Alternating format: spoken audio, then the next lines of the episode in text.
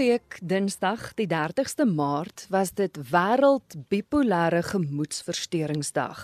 En daarom het ek dit goed gedink om met Amanda Strydom te gesels omdat sy die pad stap met daardie uitdaging. Amanda, dankie dat jy bereid is om jou storie met my en die luisteraars te deel. Hallo Christel en almal wat luister, dit is vir my 'n groot voorreg om te kan gesels hieroor want ek dink dit word baie keer weggesteek of daar is 'n stigma wat daaraan kleef en ek probeer al die afgelope 35 jaar om daai stigma te verwyder of om mense net in 'n beter lig te laat sien waaroor dit eintlik gaan. Hmm. Ek dink wanneer mense gediagnoseer word met hierdie uh gemoedsversteuring, uh is hulle skaam daaroor. Voel hulle letterlik melaats. Uh, uh word hulle afgemaak as mal of nie reg in jou kop nie of mense sê vir hulle man ruk jouself reg of jy's nou regtig, daar's iets fout met jou. En as 'n mens na die kern daarvan gaan. Ek moes verstaan wat met my gebeur. Dit het in 1986 in November met my begin gebeur. Ek was 30 jaar oud en ek het nie geweet wat met my aangaan nie, maar ek het ontsettend goed begin voel. En dit is die eerste tekens van die manie. Mense moet verstaan waarom ons dit bipolêr noem. Dis twee pole. Dis absolute hemelse manie. Jy voel dit is soos mense wat op vreeslike dwelms is of baie gesuip het. En dan val dit na die verskriklikste donker dieptes van depressie. En geen siel hoef daardeur te gaan nie. Maar wanneer dit met my gebeur het, Ehm um, ek dink ook dit het dormant in my gelê vandat ek gebore is. Mense moet verstaan dis 'n chemiese wanbalans in jou brein. Jy word gebore daarmee. En ek dink wat die sneller getrek het was toe ek opgestaan het teen apartheid en in Stellenbosch 'n lied gesing het oor die paswette mm -hmm. en my vuis gebal het en Amandla geskree het. Ek kon nie meer die ongeregtigheid hanteer nie. Ek kon nie glo wat ek sien op TV. Mense wat in uh, motorbande verbrand word en die opstande, die ongeregtigheid, die armes, mense wat verdwyn en daar word net vir ons gesê o, hy het van 'n gebou af gespring of wat ook al. Dit almal weet waaroor apartheid gegaan het en daarop gaan ek nie uitbrei nie. Maar daardie daardie reaksie op daardie aand was verskriklik oorweldigend. Die Afrikaanse pers het my verpletter. Hulle was hulle was geskok. Dit was soos 'n sensasionele voorberig op al die voorblaaie van al die koerante. Die Engelse en swart pers het my geloof daarvoor. En ek het nie geweet dat dit die begin gaan wees van 'n van 'n ongelooflike reis in my siel nie, want ek kon nie meer die druk, die kritiek, die spanning daar daarvan hanteer na dit gebeur het nie. En ek dink dit het die sneller getrek om dit te ontketen wat altyd dormant in my gelê het. Ek kon vir weke nie slaap nie, maar tot my verbasing het ek gevoel wel ek het nie slaap nodig nie. Hmm. Ek voel fantasties. En dit is totaal natuurlike on onnatuurlike bestaan want 'n mens het slaap nodig. Jy het kos nodig. Ek het opgehou eet. Ek het natuurlik as jy dit ook doen aan jou brein, dan begin jy halusineer en ek het begin stemme hoor en ek was oortuig daarvan dat God met my praat en dat ek nou 'n missie het en ek moet hierdie land red van ongeregtigheid. Dit klink dalk nou vreeslik weird, maar hmm. wanneer jy in daai maniese toestand is, is dit vir jou werklik. Baie ander mense wat hierdie ehm um, gemoedsversteuring het, het dalk ander illusies of uh, hulle noem dit ook delusions of grandeur. Jy voel jy's onaantastbaar. Jy kan enige iets doen. Jy kan mense genees. Jy dis 'n ongelooflike plek waar in jou brein gaan en dan onvermydelik gaan jy uitbrand. Ek het naderhand hier teen Januarie, Februarie van 87 45 kg geweeg.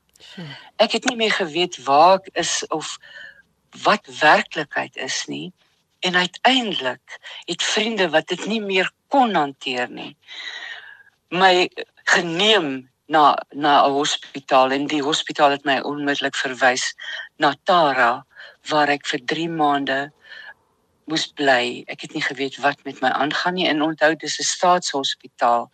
'n Mens is gelukkig as jy dalk twee keer 'n week 'n psigiater sien. En niemand het vir my gesê wat met my fout is nie. So. Ek het nie geweet wat met my aangaan nie. Behalwe dat almal vir my sê ek is mal en daar's fout met my. Toe ek op medikasie uit hulle vir my gesê wat ek moet gebruik, is ek ontslaan, maar ek het gedink hierdie medikasie het ek nie nodig nie. En kyk, dit is die grootste fout wat 'n bipolêre mens kan maak. Want dit is die eerste stap, nê, nee, dis ontkenning. Mm. Jy wil nie erken dat daar foute is met jou nie. Jy glo dat jy reg is. En elke keer wat ek die medikasie laat staan het, het ek weer siek geword, het ek weer manies geword. Die derde keer toe dit gebeur het en net die Here het my beskerm in daai tyd dat ek nie my lewe verloor het nie. Ek het roekelose goed gedoen. Ek het met my motor in die townships ingery terwyl die kaspers daar staan en dit brand en alles om vir mense kos te vat. Ek het gedink dit is nou hoe ek die land sal red weet jy as mens terugkyk daarna is dit net genade ja. net genade en die derde keer wat ek opgeneem is in die Johannesburgse uh algemene hospitaal die ding het nou 'n ander naam maar daar ontmoet ek toe vir dokter Christo Smit. Hy's 'n psigiater en hy ek dink nie hy praktiseer meer nie maar hy het my ma laat opvlieg Johannesburg toe. En vir ons baie mooi en ek sal dit nooit vergeet nie en duidelik vir die eerste keer verduidelik wat met my fout is. Wat is die oorsaak hiervan? En toe begin ek verstaan en toe verstaan ek waarom ek medikasie moet gebruik. En jy moet weet ek was op die kruin van my loopbaan toe dit gebeur het. Mm. absoluut die hoogte wat 'n mens kan bereik of toe ek so gedink. En ek het geval dat, dat niemand wou meer vir my werk gee nie en uiteraard kan ek dit verstaan.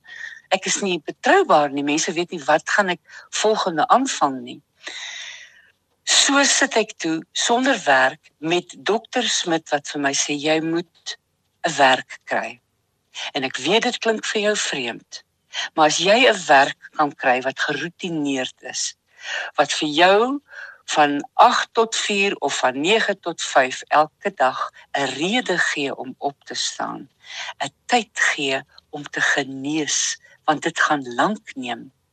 Jou siel het seer gekry. As jy daar's geen verskil tussen dit en 'n groot siekte soos kanker of of dit is dieselfde ding jou siel het hulp nodig. En dit is nie 'n skande nie. Hy beloof my toe. Toe gaan soek ek werk. Ja. Verstel niemand wil my werk gee nie. Ek het begin by 'n om by 'n maatskappy aan te klop wat gremering verhoop. Ek dink dalk kan ek dit doen want dit, dit kan ek dalk doen. En hulle het vir my gelag. Hulle het gesê but you're Amanda Stradom. You, you must be joking. En ek kon nie daar staan en sê but you don't know what's happened to me. You don't know that I'm trying to get back on my feet. Please help me. Ek ek was te trots en te en ek het net eenvoudig uitgestap. En 'n vriendin van my, hoor nou hoe sorg die liewe Vader vir my. Ken vir Irida de Tooi wat vandag die bekende kok is. Ja. Die chef van formaat. Irida de Tooi was destyds bestuurder by Santam Teleplex. Dit is 'n maatskappy waar mense inskakel en kwotasies kry vir versekerings. Niemand sien jou nie, jy's gewoon 'n stem op 'n telefoon. En hulle reël toe vir my met haar werksonderhoud en sy het my aangestel. Sy het my net onvoorwaardelik aangestel. Ek het vir haar gesê wat het met my gebeur en dat ek nodig het om iets te doen wat my 'n rede gee om op te staan in die oggende. Want dit het ek nagelaat om te sê na hierdie geweldige hoogtes en al die behandelings in hospitale, ek het ook skokterapie ontvang, 3 sessies. En was soos 'n zombie, dan verval jy in die donker gat van depressie. Ek het vergeet om te noem, dit is nou die ander pool van die manie. Mm. Ek het twee keer probeer selfmoord pleeg. Ek kon nie, ek kon nie uit die bed uit opstaan nie om jou tande te borsel was 'n groot berg wat jy moes uitklim soggens. Die dae het nagte geword, die nag weer dag. Daai donkerte sal net 'n depressie leier ken ek is daardeur ook. En dit is ook wat ek nooit vergeet het wat Christus Smit vir my gesê het dat jy kan al hierdie seer, hierdie verskriklike swaai van vreeslik gelukkig na stikkend in die grond kan jy balanseer. Jy het soveel om nog te gee. Toe het ek dit nie geglo nie, maar nou verstaan ek alles en ek het begin werk by Irida by Santanteliplex vir 3 jaar het ek daar gewerk. 'n Stem oor die telefoon wat versekerings verkoop. En toe het sy my bevorder na kommunikasiebestuurder en ek het mense begin oplei in telefoonmaniere. Hoe praat jy oor 'n foon met mense, et cetera, et cetera. En ek het begin voel ek het weer 'n selfbeeld. Ek beteken iets vir mense. Ek is 'n mens en ek sien die mense om my raak. Doodgewone mense wat werk toe kom wat vir my sê, "Hey, ek het 'n lekker toebroodjie hier in my Tupperware. Wil jy hom swap vir jou nou of wil jy myne hê?" Gewone mense wat my aanvaar het as 'n mens, nie Amanda stryd om die groot ster nie. Ja. En daar het my reis na binne begin. Ek het niks meer gehad nie, nie 'n huis nie, nie 'n man nie. Ek is geskei in daai tydperk. My man destyds kon dit nie hanteer nie. En ehm um, ja, niks, niks het ek gehad nie. En dit is hoe 'n mens van niks af begin. Mits jy bereid is om jou siel oop te maak, om jouself oop te maak, om te sê maak my leeg. Maak my leeg van al hierdie dinge wat my so lank teruggehou het of wat my gekeer het om te wees wat ek eintlik moet wees. En maak my vol asseblief maak my vol met lig en met dit wat ek eintlik moet doen. En so het ek stadig maar seker geboorte gegee aan Amanda wat ek vandag met jou praat. Ja dit was lank dit was bitter eensaam ek het 'n klein cottage uiteindelik kon bekostig danksy Irida se werksaanbod hier op die Westendam het ek gebly in 'n klein cottage met my hond Mikkie. Dit was net die twee van ons en al wat ek gehad het was werk toe gaan, terugkom in die middag. Naweek het niemand het naby my gekom nie. Dit was stadig maar seker het ou vriende begin terugkeer en dit is die mense wat ek nooit sal vergeet nie wat my onthou het in daai tyd kerkorrel was soos 'n broer vir my in daai tyd.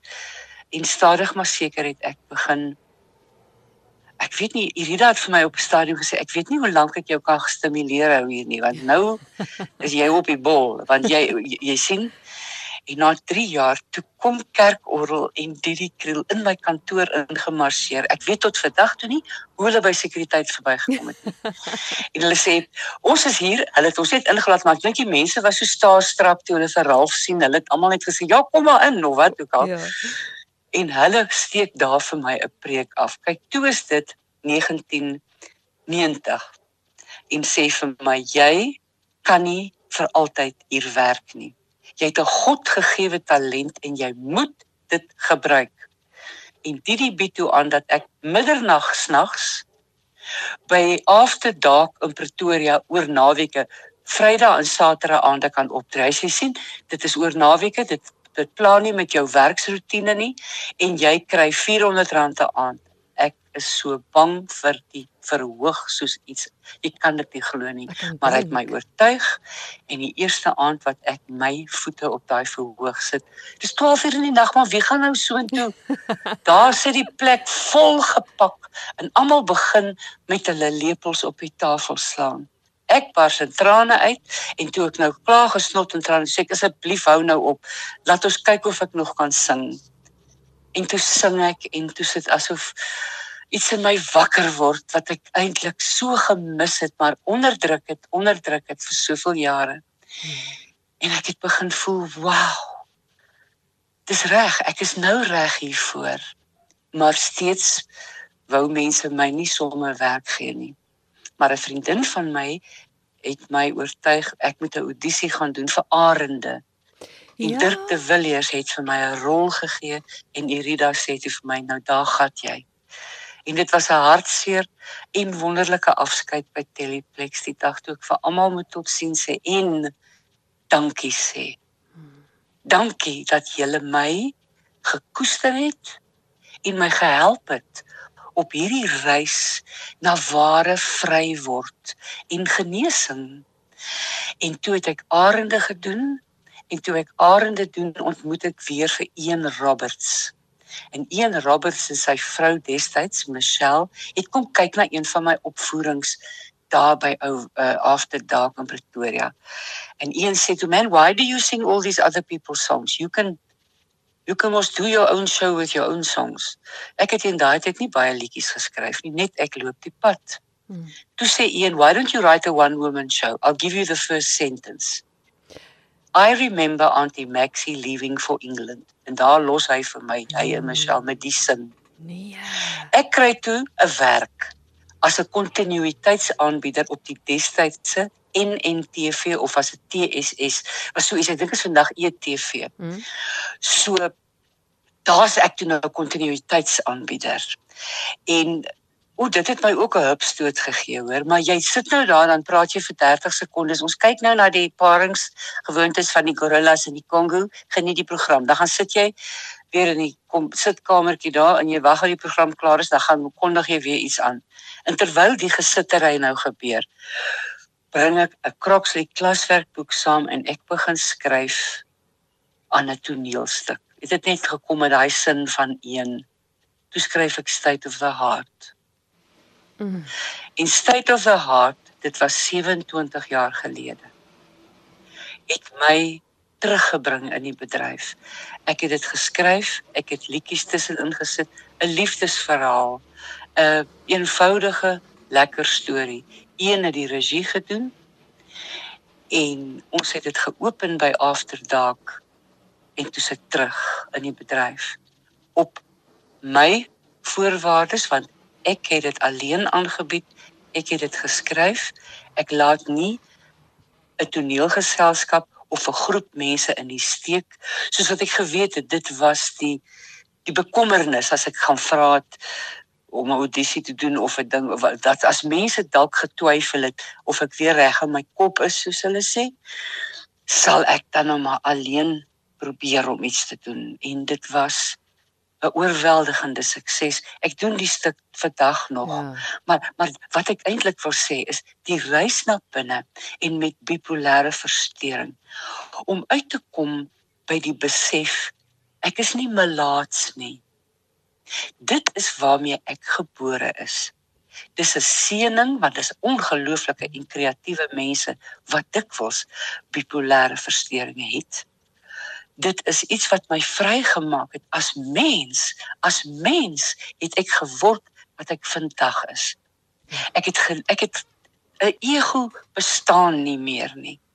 'n Mens is nederig wanneer jy in so 'n gat lê en jy moet weer opstaan en jy besluit jy gaan opstaan. Dan besef jy wat genade is en dat alles wat vir ons gegee is, daar is vir ons oorlewing. As jy die wil het om te sê ek gaan oorleef, ek gaan hierdie ding ek gaan dit aanvaar en ek gaan aan met my lewe. Wat dit ook al kos om dit te doen en eerstens is dit medikasie. Neem die medikasie en ek bid dat ander leiers aan hierdie toestand 'n goeie psigiater het want dit is so belangrik. Ek hoor dikwels van mense wat kla dat die medikasie nie vir hulle werk nie. Hulle het neeweffekte. En ja, totdat jy die regte balans gevind het, dan gaan dit 'n gesukkel wees. Ek het byvoorbeeld na jare van lithium gedrink. Dit was my eerste uh, medikasie vir bipolêr. Het ek toksies begin word. Sjoe. Tot iemand vir my ek ek het so in 'n toestand gery na die in die bosfees in 2015 en toe my pianis Janine my sien toe sê sy jy kan nie op die verhoog gaan nie jy kan nie. Ek weet nie eers hoe jy dit gemaak het alleen in 'n kar tot in Nelspruit nie. Sy sê daar skuim om jou mond en jy's bleek. Jy's amper geel. Toe het Karen Meyering onmiddellik 'n ambulans bestel en ek is in die hospitaal in Nelspruit opgeneem. Hulle het 'n breinskandering gedoen en bloedtoetse gedoen. Hulle het vir my man Tony laat opkom in 'n taxi en hy het ons teruggery Johannesburg toe en onmiddellik op Karen se aanbeveling is ek na 'n neuroloog en sy het onmiddellik vir my gesê you're toxic. Do you know what your lithium levels were in Nelspruit? Toe is dit hemelhoog en dis my eie skuld. Dit sê ek sommer nou eerlik. Mense is veronderstel om elke 3 maande na jou psigiatër toe te gaan dat hulle die vlakke toets en vir jou sê, "Hey, dis nou ons moet dit nou bietjie aanpas." Nee, ek het vir jare net aangegaan en geglo, dis nou genoeg. Ek dink dit ek is kreatief, ek skep, ek gaan aan, ek wen toekenninge. Ek gaan tree op in Nederland. Dit was wonderlik. En toe ek besef, dit is wat met my verkeerd is. Weet jy, dit dit was 'n verskriklike gevoel asof ek nie in beheer is van my brein nie. Ek het begin bewe en toe hulle vir my sê, "Man, dis jy's toksies." Dis wat dit is toe moet ek 'n ander plan maak. En deur die jare was daar 'n baie dierbare psigiater wat gereeld na my vertonings toe gekom het. Ons het meer vriende geraak as pasiënt of dokter. Mm. Maar sy naam is Frans Korp en hy is vandag wêreldbekend vir sy briljante benadering tot psigiatrie. En ek is terug na Frans toe. En hy sê my meisie, lithium is argaïs teen hierdie tyd. Daar's nuwe dinge wat ons kan probeer. En hy verander toe my medikasie na Epitek en my hele lewe het weer verander. Ek sien weer kleur. Ek het ek het net 'n ander mens geword. Ek het energie. Dit was 2015. Nou 6 jaar later kyk ek net terug in absolute dankbaarheid vir die engele wat op my pad gekom het om my te help En ek wil hê mense wat hierdie gemoedsversteuring het en ek weet jy kan nie jy kan nie logies dink jy dink nie rasioneel as jy manies is nie. En wanneer jy depressief is het jy nie die kus die krag om te dink nie. Jy wil net sterf of jy wil net lê. Maar ek wil hê jy moet dit doen. Vra sê ek het hulp nodig. Dis die moeilikste ding om te sê maar sê dit.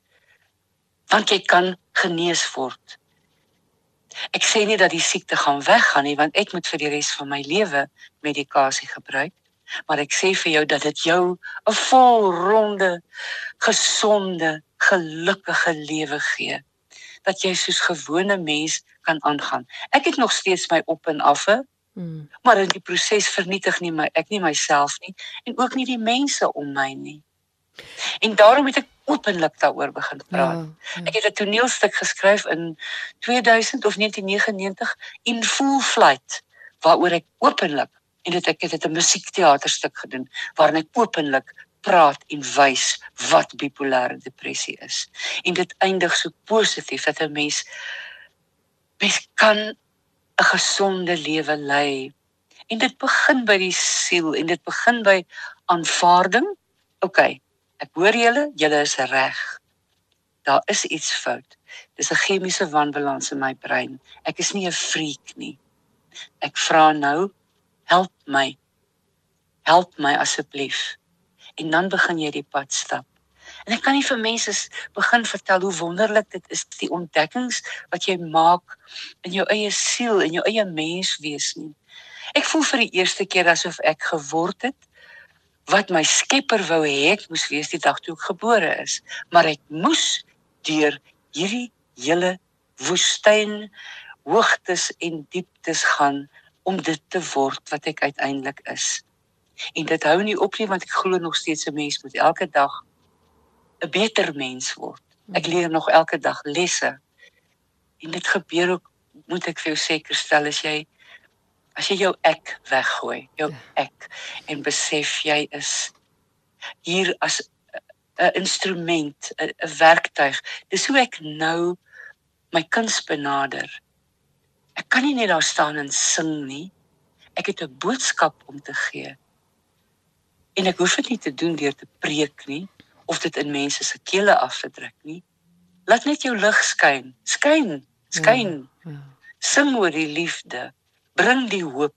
Sing 'n gebed dat almal, moslim, indiaan, Christen, Jood, almal daarby byklank vind. Vertel 'n snaakse storie. Laat mense lag en dans en hande klap. En dit kom uit 'n eerlike fontein, 'n eerlike skoon fontein. En dit het niks te doen met look at me, look at me how fabulous I am nie. Dis lankal lankal weg en nou verstaan ek die Bybelteks uiteindelik wat sê kyk ek maak alles nuut Ja. want dit is die storie van my lewe. Ja. Ek gesels met Amanda Strydom en Amanda is regtig 'n voorbeeld van hoop en en ja, dis so wonderlik om jou storie te hoor en ek ek glo wel die les wat ek daar uitgeleer het is daai aanvaarding en om hulp te vra want ek dink ons is so maklik geneig om op ons eie aan te gaan en te dink ek ek ek sal die pad alleen stap. Ek ek, Ek moet beloof jou ja. Ja. dit werk nie so Ja. nie. Dit werk nie. Jy kan dit nie alleen doen nie. Jy gaan uitbrand of jy gaan selfmoord pleeg. Mm, Dit, dit is 'n feit en dit is die eerste woord wat jy nou gesê het, aanvaarding mm. en die moed om te sê help my. Dis die eerste stap. Ja, ek ek moet praat oor Tony want want dit kom terug by die feit dat ons sê jy stap nie die pad alleen nie want ek dink dikwels kyk dis nie net jy alleen wat met daai uitdaging leef nie.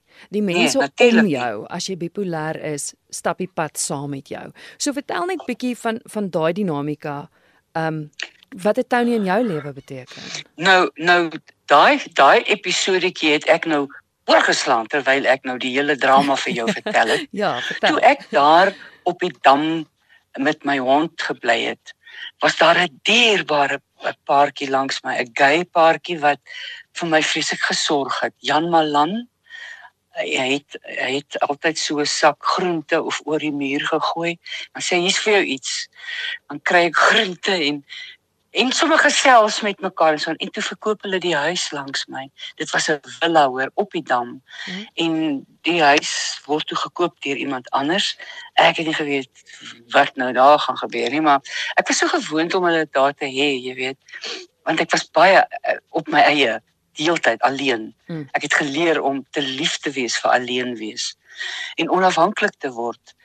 Man en ek het altyd middag as ek van Teleplex afkom op 'n boomstomp. Dit was so 'n lekker groot afgesaagde boomstomp buite my kothuisie op die wal van die van die dam. Ek het altyd daar gaan sit smiddag as ek terugkom van die werk af. En ek gooi weer een middag die kombuisdeur oop en ek stap uit. Hier sit 'n man op my stomp. O, oh, Ek sê, "Hoe durf jy? Hoe durf jy?" Maar hy het seker gehoor hoe die kombuisdeur oopgaan want hy draai om en dis 'n mooi man. Hy sê, "Hi, my name is Tony. I bought the house next to yours." O, sê ek, "You're sitting on my stomp." Dis al wat ek kon uitkry. Hy het lekker verstaan waaroor dit gaan nie, maar toe word ons nou bure. En ons het hy het nie 'n cooking clue gehad wie ek is Hy het net geweet dis die meisie langsaan wat by die versekeringsmaatskappy werk. En die man is totaal die teenoorgestelde van my. Hy is aards, prakties. Hande staan vir niks verkeerd nie. Hy sê toe vir my, "What's happening here?" toe hy eendag instap by my kothuis. Hy sê, "You can make a garden here, man. Look at these flower beds, they're all dead." Toe loop saag hy sy tuinslang in die helfte en hy skakel hom daar by my kraantjie in. Hy dolwe die grond om en hy wys vir my hoe plant 'n mens goed. En hoe lê jy dit nat en dan sien jy hoe dit groei en vir jou blomme en kleure en blare bring. dit was vir my amper beter as terapie. En toe eendag soen hy my en toe sit toe sy koel deur die kerk. Toe is ons nou verlief. Hier ek en my buurman. En toe, toe besluit ons nee, ons wil nou eintlik saam bly, maar ons wil ook nie so bly dat ons in mekaar se ruimtes is nie want ons is gewoond daaraan om alleen te wees. Hy was geskei en ek was geskei en toe soek ons 'n huis. Waar kan ons nou saam bly? En my vriend Michael Tellinger se huis hier in Westin is toe te koop en ons het na 'n vreeslike baie gesoekery kom kyk na die plek. Daar's 'n kothuis en daar's 'n huis. Daar's 'n swembad, daar's 'n groot tuin wat baie werk nodig het, maar ek het geweet Tony sal daar inspring en alles regmaak. Toe koop ons die huis. Hy bly in die kothuis en ek bly in die huis. 9 jaar later is ons getroud in my ma se sitkamer in Jeffreys Bay. Dit was die heiligste oomblik in my lewe. Ek en Tony, mamma en pappa, Dominee Evert, my sissies met haar kinders en my een tannie en haar man van Port Elizabeth was in die sitkamer. En ons het met die see daar in die agtergrond uiteindelik getrou. Ek dink my ma was baie verlig. uiteindelik kom die twee nou tot trou en daar was geen gedoe daarvan gemaak nie. Ons het vir ons Tony het vir my wit hemp gaan koop by Edgars in die Masdorp en ek het vir my 'n wit rok, don't ask why. 'n Wit rok gaan koop by Edgars en ek het Gypsophilia in my agter my oor ingedruk en daar's ons getroud. En vandag is dit 30 jaar later wat ek met een man, ek het nooit in my lewe gedink ek sal met een man so lank pad loop nie, met hierdie anderste mens 'n lewe deel wat vir ons pas. Mense vra te hoor, "Julle is nou getroud, gaan julle nou in dieselfde huis bly?" Nee, sê ons. As hy wil rugby kyk en ek wil Downton Abbey kyk, dan het ek ons eie ruimtes, dankie. En dit mense nog nooit gehoor van huisbesoek nie. nou ja. So dit is my storie van my liefste Tony wat hy's net totaal aarde en goedheid en en en ek dink ons baie van dieselfde stofasie gemaak wanneer dit kom by ons hou daarvan om om alleen te wees en ons hou daarvan om goed te wees vir alles om ons. Hmm. Hy's hy koester dinge. He heals things. En dit is wat ek ook geleer doen dit nou in my beroep is om te genees. As ek iets op hierdie aarde reg gekry het, moet dit dit wees dat iemand uit 'n vertoning stap en sê dankie. Ek voel nou sommer beter. Ek tel en dit moet mense nooit vergeet nie. Elke mens tel. En as dit met my so kon gebeur, kan dit met jou ook gebeur. Wees net nederig. Just say it. Help me. Please help me. I am lost. I want to be in the light. In dis wat ek gekies het. Ek wil nie in die donker leef nie. Amanda, jy het aan die begin gesê dat daar baie stigma is aan ja. bipolêre ja. gemoedstoornis en ek dink dit is hoekom so baie mense die pad alleen stap. En ja. is ek is ek reg as ek sê dat dit 'n daaglikse besluit is? Ja, die medikasie is daar, dit help. Maar is dit 'n daaglikse besluit? En en as dit is, watter raad het jy vir ander mense wat op die pad loop? weet jy ek is nou al so in die ding in en so gewoond. Dit, is vir my tweede natuur. Ek het dit aanvaar. Dit is deel van my siege. As 'n mens by daai punt kan kom dat jy sê okay dit is wat ek is. Dit is wat ek het ek het hulp gekry en nou gaan ek aan met my lewe ek kan dit nooit nooit weer vergeet nie dis soos iemand wat diabetes het en jy het insulien nodig elke dag. Mm. Jy moet besef daar's goed wat jy vermy wat jy weet nie goed is vir jou nie, wat dit trigger. Ek is nie 'n vreeslike sosiale mens nie. Ek het genoeg sosiale uh, interaksie met mense wanneer ek optree, wanneer ek na 'n fees toe gaan. Dan is dit vir my heerlik want ek weet ek kom weer huis toe na die rustigheid en die stilte en die privaatheid. Ek dink ook uh, vir my dinge wat dit kan trigger, soos alkohol, dwelms, ehm um, wees gesond in jou liggaam. Ek trap my ou fietsie hier in die ateljee, veral nou in Grendeltyd wat ek verbied is deur Tony om gym toe te gaan. Ek is so lief om gym toe te gaan, maar dit is gevaarlik en dis nie lekker om daar te sit en oefen met 'n masker op nie. Ja. Maar ehm um, as jy ook na jou liggaam omsien en jou liggaam soos 'n tempel behandel, dan is dit ook 'n baie belangrike ding om te onthou. Want 'n gesonde liggaam huisves 'n gesonde gees. En ehm um, 'n mens voel so goed man as jy geoefen het en jy dis 'n klein oorwinning in jouself. Jy hoef niks aan niemand te bewys nie. Dit is net jy teen jy. En dit dink ek ook is 'n is 'n baie ding belangrike ding om te onthou. Dit is jy teen jy.